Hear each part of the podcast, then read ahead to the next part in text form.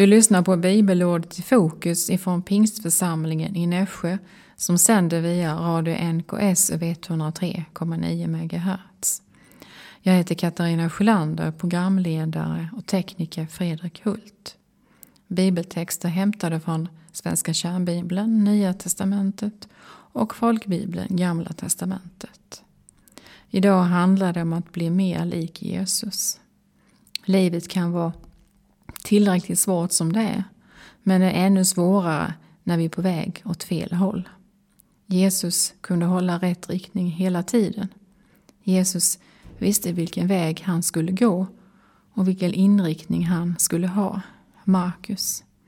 Även Människosonen kom hit till jorden, inte för att bli betjänad utan för att tjäna och ge sitt liv till lösensumma för många. Jesus visste att hans mål var Golgata och han ville fullfölja sitt uppdrag. Det fanns fortfarande sjuka att hela, okunniga att undervisa, men Jesus hade fullbordat sin uppgift. Det är lätt att bli distraherad som människa av allt annat som händer. Romarbrevet. Vi vet med full säkerhet att allt ständigt samverkar till det bästa för dem som älskar Gud och är kallade efter hans syften, som har gensvarat på hans kallelse och lever i hans vilja. Guds plan är att rädda alla sina barn. Gud ville inte att någon människa ska gå förlorad. Om Guds mål är världens frälsning så borde mitt mål vara samma. Vi är sändebud för Jesus. Andra Korintierbrevet. Nu är vi ambassadörer för den smorde Kristus, som om det är Gud som inbjuder och uppmuntrar genom oss. Vi ber er på den smådes vägar, vägnar. Försona er med Gud, ta tillvara nåden och bli upprättad med Gud. Det är meningen att vi ska bidra till Guds goda plan och berätta för andra om Gud. Psalm. Eh, och ha din glädje i Herren, då ska han ge dig vad ditt hjärta begär. När vi överlåter oss till Guds plan så kan vi lita på våra egna önskningar. Vårt uppdrag finns där Guds plan är och våra egna önskningar möts. Vad älskar du att göra? Vad ger dig en känsla av tillfredsställelse? Vissa trivs med att dela ut mat till behövande. Vissa med att sjunga lovsång, att leda en församling, att undervisa, ta hand om barnbarn, hjälpa till i köket i kyrkan. Vi kan alla tjäna Gud var och en på sitt sätt. Jag trivs med att undervisa. Jag kan inte spela något instrument och sjunga samtidigt, men det finns andra som passar bättre till det som väl är. Efesierbrevet. För vi är Guds hantverk transformerade, skapade på nytt i den småde Jesus för att kunna utföra goda gärningar. Arbete som Gud har redan förberett oss att vandra i. Gud har bestämt att vi skulle födas. Din längtan är förberedd och kommer från Gud. Använder jag mina anlag på rätt sätt? Längtar jag efter något? Vi kan inte möta alla behov som finns. Om vi ska göra allt kan vår energi så småningom ta slut och även ge oss religion och lagiskhet. Man får prova sig fram på vilket sätt man kan bidra. Vissa personer är ämnade av flera kallelser och vissa personer till en eller några få kallelser. Det är olika. När visste Jesus att han var Guds son? Jesus var 12 år. Jesus föräldrar har gått i tre dagar på hemvägen innan de märker att han inte är med. De hittar honom i templet där han studerar tillsammans med lärarna. Lukas. Då sa Jesus till dem, varför behövde ni leta efter mig? Visste ni inte att jag måste vara i min faders hus? Jesus visste redan sin kallelse som ung pojke. Jesus började inte missionera direkt då, utan han följde med sina föräldrar hem och lärde sig släktyrket. Om man ska bli missionär, evangelist, pastor eh, och så vidare kan man behöva träna innan. Ta hand om dina relationer, dina anhöriga och din familj. Sköt ditt arbete eller studier eller vad du nu gör. Så det är detta nu jag försöker träna på så vi får se. Kolosserbrevet. Vad ni än gör, gör det av hjärtat som för Herren och inte för människorna. Går du mot rätt håll och gör du den kallelse som är rätt för dig. Ibland kan vi behöva stanna upp och fundera om man är på rätt väg.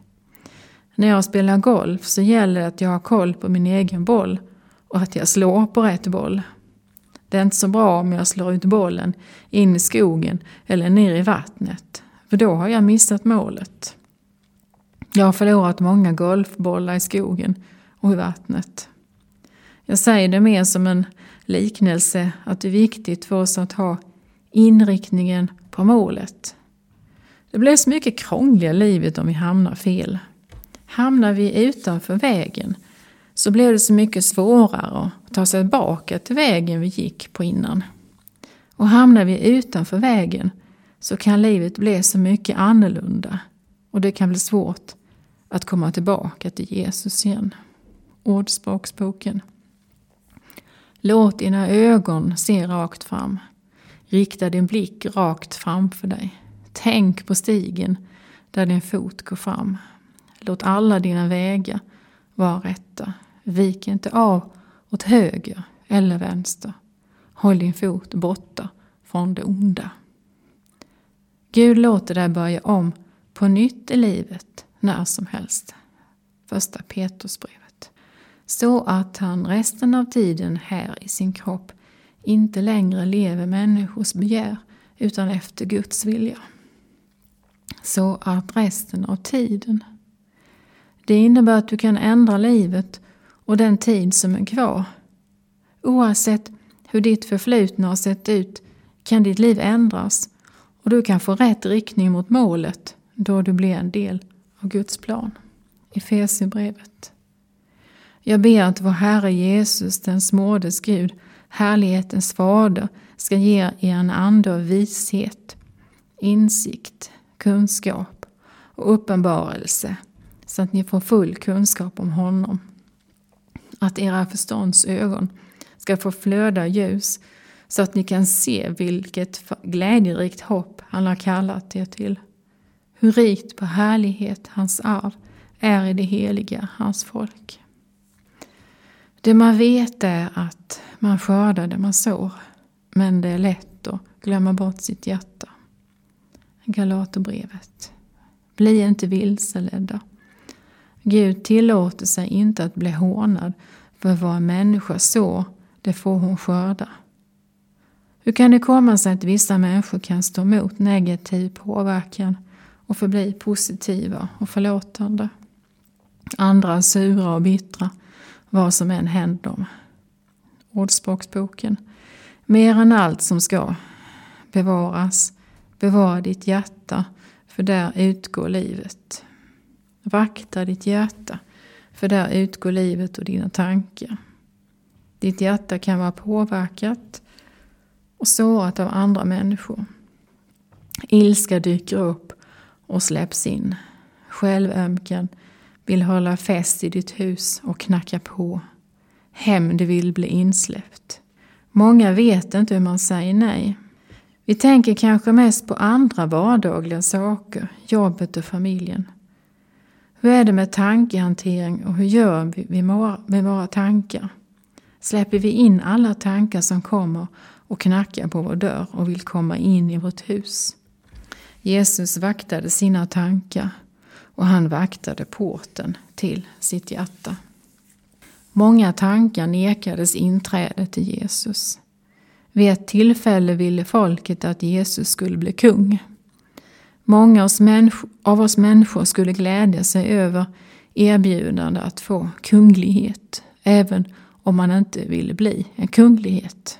Johannes. Jesus som visste att de var på väg att med våld ta med sig honom och göra honom till kung drog sig undan till berget igen, denna gång ensam. Ett annat exempel skedde när Jesus talade med Petrus. När Petrus hörde Jesus tala om sin död på korset protesterade Petrus. Matteus, då tog Petrus honom avsides. Han tillrättavisade Jesus skarpt och sa Gud förbjude det, Herre, detta får inte ske dig.